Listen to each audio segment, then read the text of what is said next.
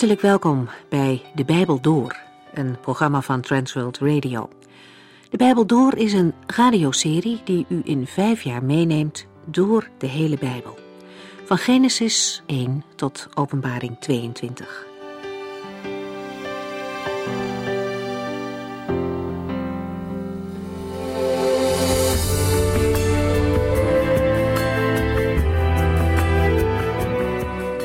We zijn de vorige keer in hoofdstuk 5 begonnen van de Hebreeënbrief. Daar gaat de schrijver verder met zijn vergelijking tussen de Heer Jezus en de hoge priesters uit het Oude Testament. Hij heeft laten zien dat de Heer Jezus ver boven de menselijke hoge priesters uitstijgt.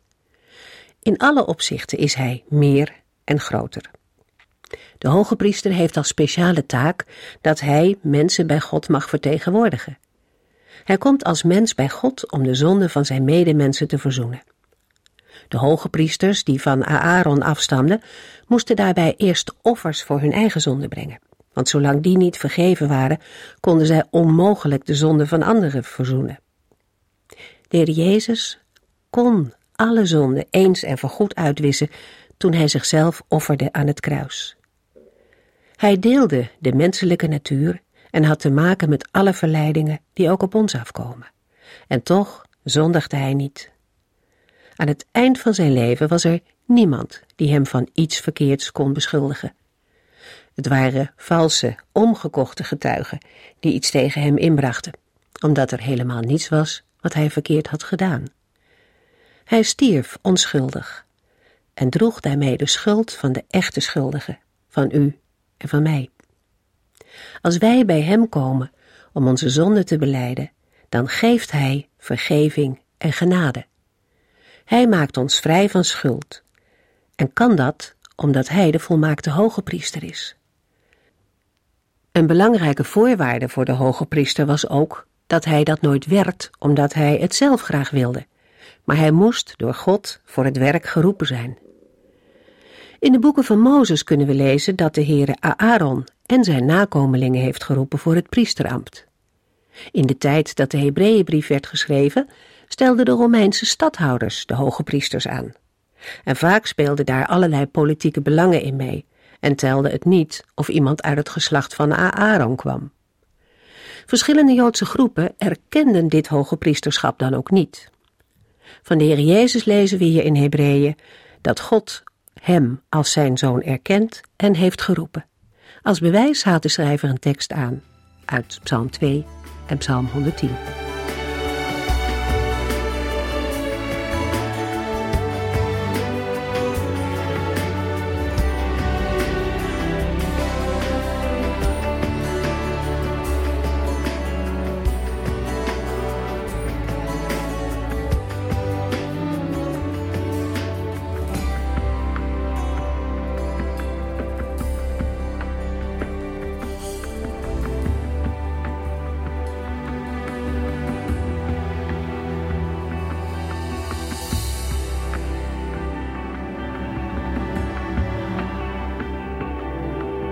De vorige uitzending sloten we af met het lezen van Hebreeën 5, vers 7. We lazen: Terwijl hij hier op aarde was, heeft Christus onder tranen geroepen tot God, die hem van de dood kon redden. God verhoorde zijn gebeden, omdat hij zich aan Gods wil onderwierp. De Bijbel beschrijft drie momenten waar we lezen dat de Heer Jezus huilde. Jezus huilde toen hij vroeg waar zij Lazarus hadden neergelegd.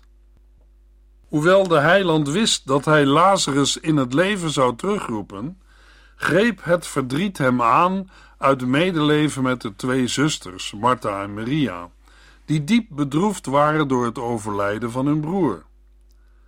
Luisteraar, de Heer Jezus weet wat een mens doormaakt en voelt als u, jij en ik bij het graf van een geliefde staan. Bij een andere gelegenheid huilde de Heer Jezus over Jeruzalem. In Lucas 19 is de Heer Jezus op weg naar Jeruzalem om er de tempel te bezoeken. We lezen in Lucas 19, vers 41 tot en met 44. Jeruzalem was nu niet ver meer. Zodra Jezus de stad zag liggen, begon hij te huilen. Hij zei: Jeruzalem, kon juist u vandaag maar inzien wat er nodig is voor vrede, maar u ziet het niet. Nu is het te laat. Straks zullen uw vijanden u belegeren, u omsingelen en van alle kanten tegen u opdringen. Zij zullen u en uw inwoners vertrappen. Zij zullen geen steen op de andere laten. Want God heeft u de kans gegeven, maar u hebt die laten voorbijgaan. De derde keer dat we lezen over verdriet van de Heer Jezus vinden we in Matthäus 26, vers 38, waar de heiland tegen Petrus, Jacobus en Johannes zegt: Mijn hart breekt van verdriet, blijf hier met mij waken. Er staat niet met zoveel woorden dat Jezus huilde, maar als een hart breekt van verdriet, kunnen wij ons wel voorstellen dat Jezus daarbij heeft gehuild. In de vorige uitzending stonden we naar aanleiding van vers 7 al stil bij de twee manieren waarop God de Vader Jezus uit de dood kon verlossen. We weten dat de Heer Jezus in Gethsemane de Vader heeft gebeden: Vader, als het mogelijk is, laat deze beker dan aan mij voorbij gaan. Maar niet wat ik wil moet gebeuren, maar wat u wilt. Daarmee vroeg de heiland als het ware aan God de Vader: Bewaar mij voor dit lijden. Maar dat zou voor ons mensen de grootste ramp betekenen die ons kan overkomen. Immers het offer van Christus lijden en sterven aan het kruis is voor ons mensen de enige mogelijkheid om het weer met de Heere God in orde te krijgen. Christus daarvoor te bewaren was gelijk geweest aan de vernietiging van de mensheid, aan het verloren laten gaan van deze wereld met alles erop en eraan. Maar Gods liefde en genade voor deze wereld heeft het gewonnen. Want in Johannes 3, vers 16 lezen we: Want God heeft zoveel liefde voor de wereld, dat Hij zijn enige zoon heeft gegeven, zodat ieder die in Hem gelooft niet verloren gaat, maar eeuwig leven heeft. God de Vader kon het gebed van zijn zoon niet verhoren door hem te bewaren voor het lijden. Het was niet mogelijk om deze beker aan hem voorbij te laten gaan. En de Heer Jezus was het daarmee eens, want hij bidt, maar niet wat ik wil moet gebeuren, maar wat u wilt. De andere manier was dat God de Vader Christus redde door hem uit de dood op te wekken, wat ook is gebeurd. In Hebreeën 13 wordt dat genoemd aan het eind van het betoog van de schrijver van Hebreeën. We lezen in Hebreeën 13, vers 20 en 21: Ik bid dat de God van de vrede, die de Heer Jezus, onze grote herder, door het bloed van het eeuwige verbond uit de dood heeft laten opstaan, u alles zal geven wat nodig is om Zijn wil te doen. Dat Hij ons zo zal maken dat Hij, door Jezus Christus, tevreden over ons kan zijn. Aan Jezus Christus komt voor altijd en eeuwig alle eer toe. Amen. Hebreeën 5, vers 8. Zelfs al was Jezus de Zoon van God, toch moest hij uit ervaring leren wat gehoorzaamheid was, ook als dat pijn en verlatenheid betekende. Tijdens zijn hele leven op aarde was de Zoon van God bereid de wil van zijn vader te doen. In die zin hoefde de zoon van God, die zonder zonde was en ook nooit ongehoorzaam is geweest, geen gehoorzaamheid te leren. Met de woorden toch moest hij uit ervaring leren wat gehoorzaamheid was, wordt in dit geval dan ook bedoeld dat de gehoorzaamheid van de Zoon van God in de praktijk is gebleken in de verzoekingen tijdens zijn leven en met name in zijn lijden aan het kruis. Uit wat hij geleden heeft, leerde Jezus praktische gehoorzaamheid. In Filippenzen 2, vers 8 tot en met 11 lezen we: Herkenbaar als mens vernederde hij zich en gehoorzaamde tot het uiterste, zelfs tot in de dood aan het kruis. Daarom heeft God hem de hoogste plaats en de allerhoogste titel gegeven, zodat in de naam van Jezus iedereen in de hemelen, op aarde en onder de aarde, zijn knieën zal buigen en tot eer van God de Vader openlijk zal erkennen: Jezus Christus is de Heere. Ook op andere plaatsen in de Bijbel wordt het lijden van de Zoon van God gezien als een daad van gehoorzaamheid. Met de woorden: zelfs al was Jezus de Zoon van God, wordt de tegenstelling aangegeven tussen de verheven status van Jezus, de Zoon van God, en de diepe vernedering in het lijden. Hij heeft geleerd en hij heeft geleden, vormen in het Grieks een veelgebruikt woordenpaar dat rijmt. Hebreeën 5, vers 9. Nadat Jezus had bewezen daarin volmaakt te zijn, werd hij de gever van eeuwige redding voor alle mensen die hem gehoorzamen.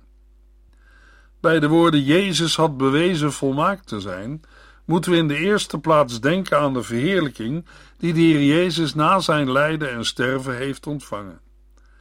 In Hebreeën 7 vers 28 lezen we: Onder het oude verbond zondigden zelfs de hoge priesters, die ook maar zwakke en zondige mensen waren. Maar later legde God de eed af dat zijn zoon, die voor altijd volmaakt is, voortaan hoge priester zou zijn. Toen pas heeft hij het einddoel, het volmaakte ontvangen.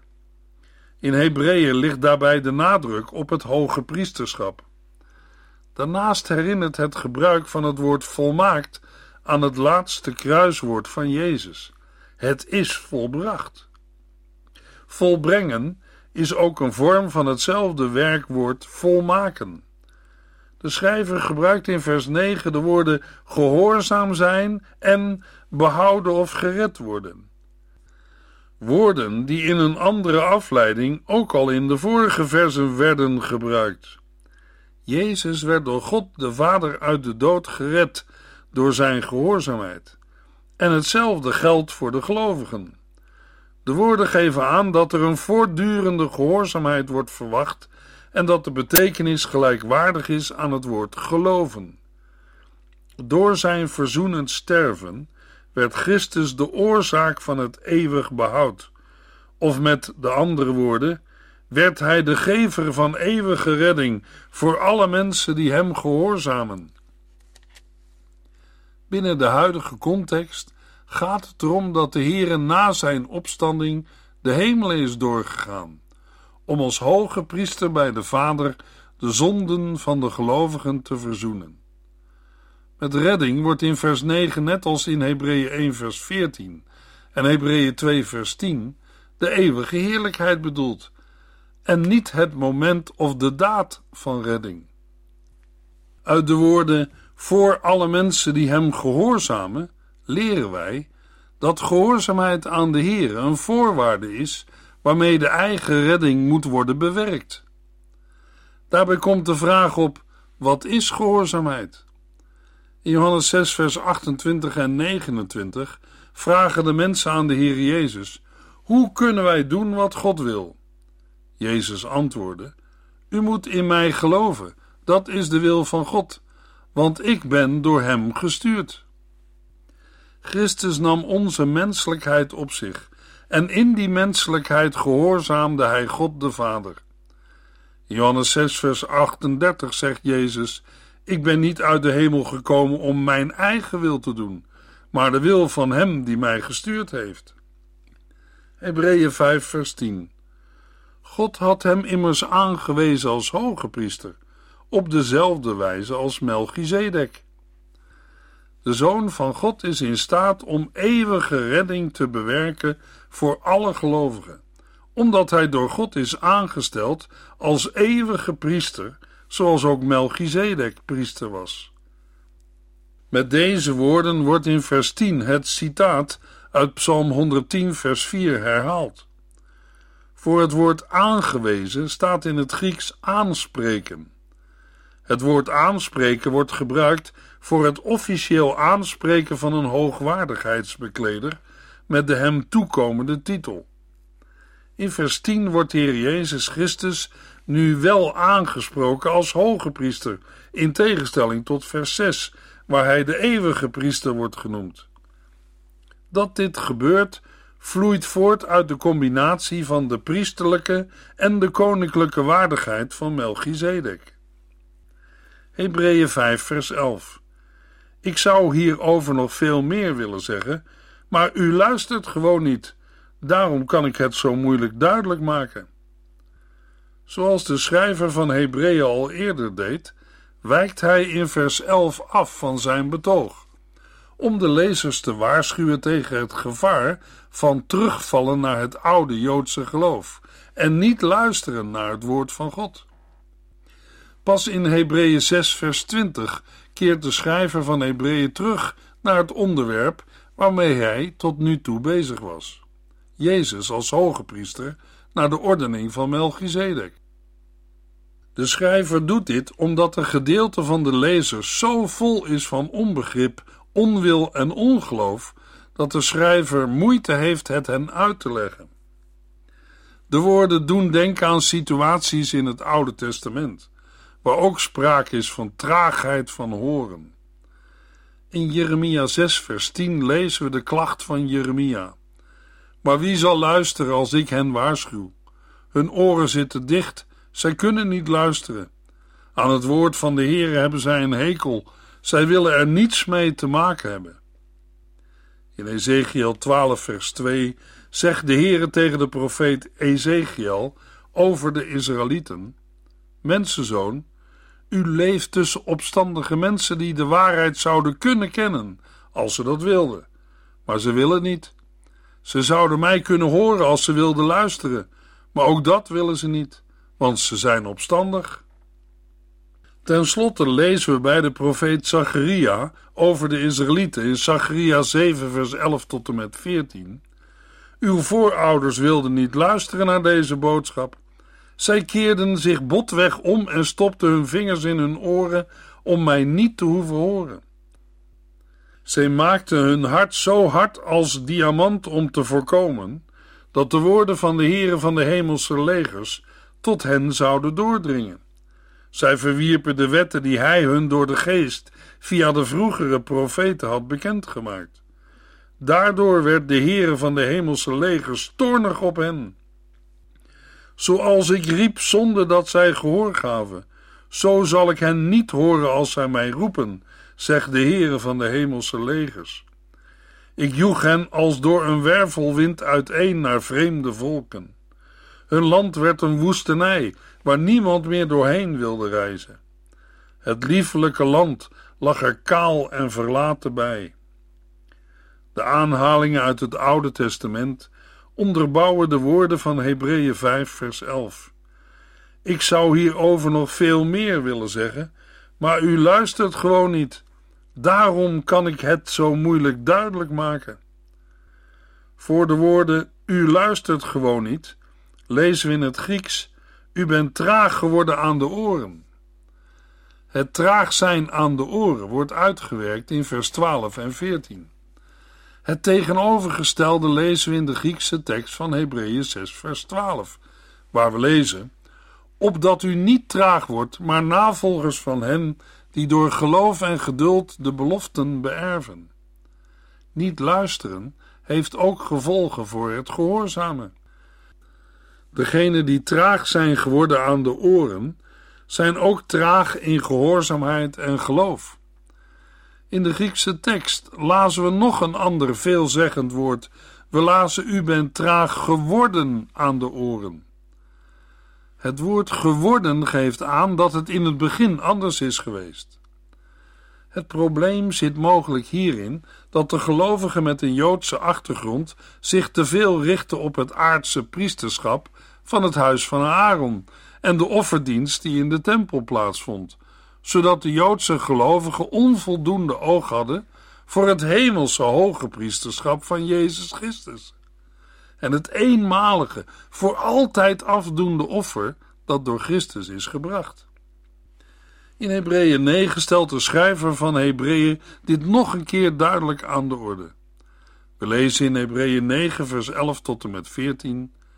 Christus kwam als hoge priester van het nieuwe verbond dat wij nu hebben. Hij is de grotere en meer volmaakte tent in de hemel binnengegaan, die niet door mensen is gemaakt en niet tot deze wereld behoort. Eens en voor altijd ging hij met bloed het Allerheiligste binnen en sprenkelde het op de plaats waar de zonden worden vergeven. Maar dat was niet het bloed van bokken en kalveren. Nee, het was zijn eigen bloed. En daarmee heeft hij ons voor eeuwig van de zonde bevrijd. Als het bloed van bokken en stieren en de as van jonge koeien van zonden konden reinigen, hoeveel te meer zal dan het bloed van Christus ons hart en leven veranderen? Hij die zelf zonder zonde is, heeft door de hulp van de eeuwige geest zich gewillig aan God overgegeven om voor onze zonde te sterven. Daardoor wordt ons geweten gezuiverd van daden die tot de dood leiden en kunnen wij de levende God dienen. Steeds weer klinkt bij al deze woorden de klacht van de schrijver. Ik zou hierover nog veel meer willen zeggen, maar u luistert gewoon niet. Daarom kan ik het zo moeilijk duidelijk maken. Het woordje het in de zin daarom kan ik het zo moeilijk duidelijk maken slaat op Melchizedek, of beter op Melchizedek als type van Christus.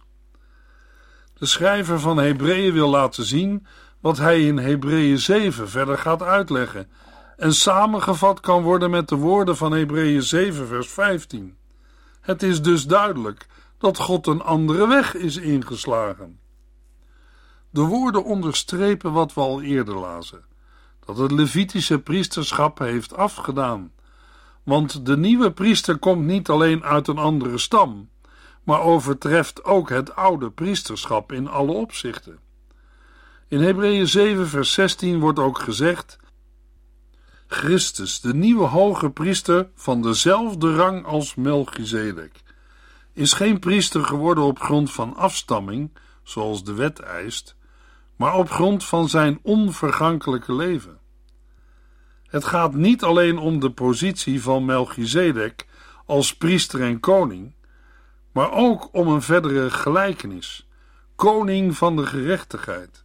Hij is ook koning van de vrede, niet afhankelijk van een bepaalde afstamming en blijft priester voor altijd. Hebreeën 5, vers 12. Nu u al een hele tijd christen bent, zou u eigenlijk anderen moeten onderwijzen. Maar u bent helaas zo ver teruggevallen dat de eerste beginselen van het christen zijn u weer moeten worden bijgebracht. U bent net baby's die geen vast voedsel kunnen verdragen en daarom nog melk moeten drinken. De lezers zijn in hun geestelijke groei stil blijven staan. Er is zelfs sprake van achteruitgang. Na zoveel jaren hadden ze leraars moeten zijn. Dat wil zeggen, in staat om anderen te onderwijzen in het geloof. Maar nu blijkt dat aan hen zelf weer de eerste beginselen van het christen zijn moeten worden bijgebracht. De woorden: U bent helaas zo ver teruggevallen, wijzen erop dat de lezers oorspronkelijk wel groeiden in geloof en kennis, maar dat deze ontwikkeling is blijven stilstaan. Het is onwaarschijnlijk dat de Joodse lezers niet eens meer wisten welke de eerste beginselen van het christen zijn waren. Maar het is wel begrijpelijk dat iemand hun in deze welbekende, maar niet eigen gemaakte grondbeginselen moest onderwijzen. Melk is op zichzelf niet minder waardig vergeleken met vast voedsel, maar het is wel kenmerkend voor een bepaalde leeftijd, namelijk die van baby's. De lezers blijken nog onderwijs nodig te hebben dat bestemd is voor pasbekeerden. De onderwerpen van het bedoelde onderwijs vinden we in Hebreeën 6. Tot vast voedsel rekent de schrijver van Hebreeën het onderwijs over het hoge priesterschap van Christus aan de hand van het Oude Testament. Hebreeën 5 vers 13 Als iemand nog op melk moet leven, blijkt daaruit dat hij als christen niet erg ver gevorderd is. Hij kent nauwelijks het verschil tussen goed en kwaad. Hij is nog een baby. Zoals in het gewone leven het nodig hebben van moedermelk betekent dat het betreffende kind nog een baby is en nog nauwelijks kan praten, zo geldt dat ook op geestelijk gebied. De lezers kunnen het vaste voedsel niet verdragen. Ze hebben nog melkvoeding nodig Daarmee zijn ze geestelijk onmondig. Dat wil zeggen, Zij zijn als christen niet erg ver gevorderd. Zij kennen nauwelijks het verschil tussen goed en kwaad. Ze zijn nog baby's in het geloof. Hebreeën 5, vers 14. Zo zult u de zwaardere kost nooit kunnen verdragen. Die zwaardere kost is voor hen die goed en kwaad uit elkaar kunnen houden. Zij kunnen opgroeien tot volwassen christenen. Een volwassene wordt gekenmerkt doordat hij vast voedsel eet en proeft wat goed en wat bedorven is. Ook vers 14 wordt overdrachtelijk gebruikt. De volwassenen zijn degenen die volgroeid zijn in het geloof, de leraars. Het vaste voedsel is het onderwijs dat de schrijver van Hebreeën zijn lezers graag wil doorgeven. Het betreft het hoge priesterschap van Jezus Christus en in meer algemene zin de uitleg van het Oude Testament, met name de wet. De schrijver wil duidelijk maken dat de oud-testamentische gebeurtenissen, voorschriften en feiten uit het Oude Verbond voorafschaduwingen zijn van de gebeurtenissen in het Nieuwe Verbond. Daarbij worden deze zaken vooral betrokken op Christus. Volwassen gelovigen zijn in staat goed en kwaad te onderscheiden. Dat wil zeggen te bepalen of het geestelijk onderwijs waar en opbouwend is, of dat zij leidt tot dwaalleren. In 1 Corinthians 3, vers 1 en 2 schrijft de apostel Paulus aan niet-Joden over hetzelfde onderwerp. We lezen er: Broeders en zusters, toen ik bij u was, kon ik u nog niet toespreken als geestelijke mensen. U leidde uw eigen leven en deed uw eigen zin. Uw verhouding met Christus was nog zo pril dat ik u alleen maar melk kon geven. Vast voedsel was te zwaar voor u en dat is helaas nog steeds het geval. Ook nu nog wordt u door uw eigen verlangens beheerst.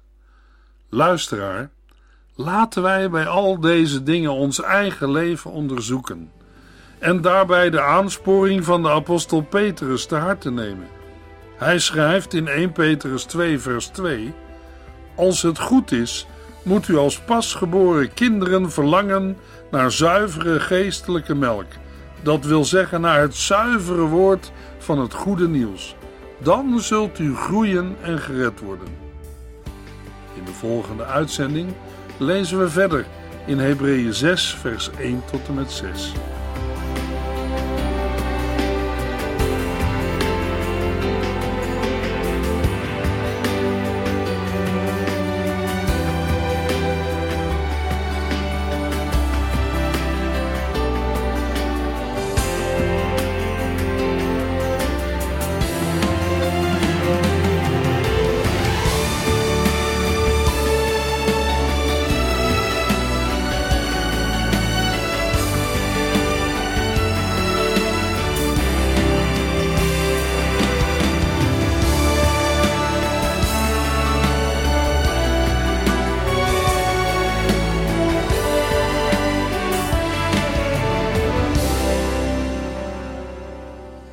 Geluisterd naar De Bijbel Door.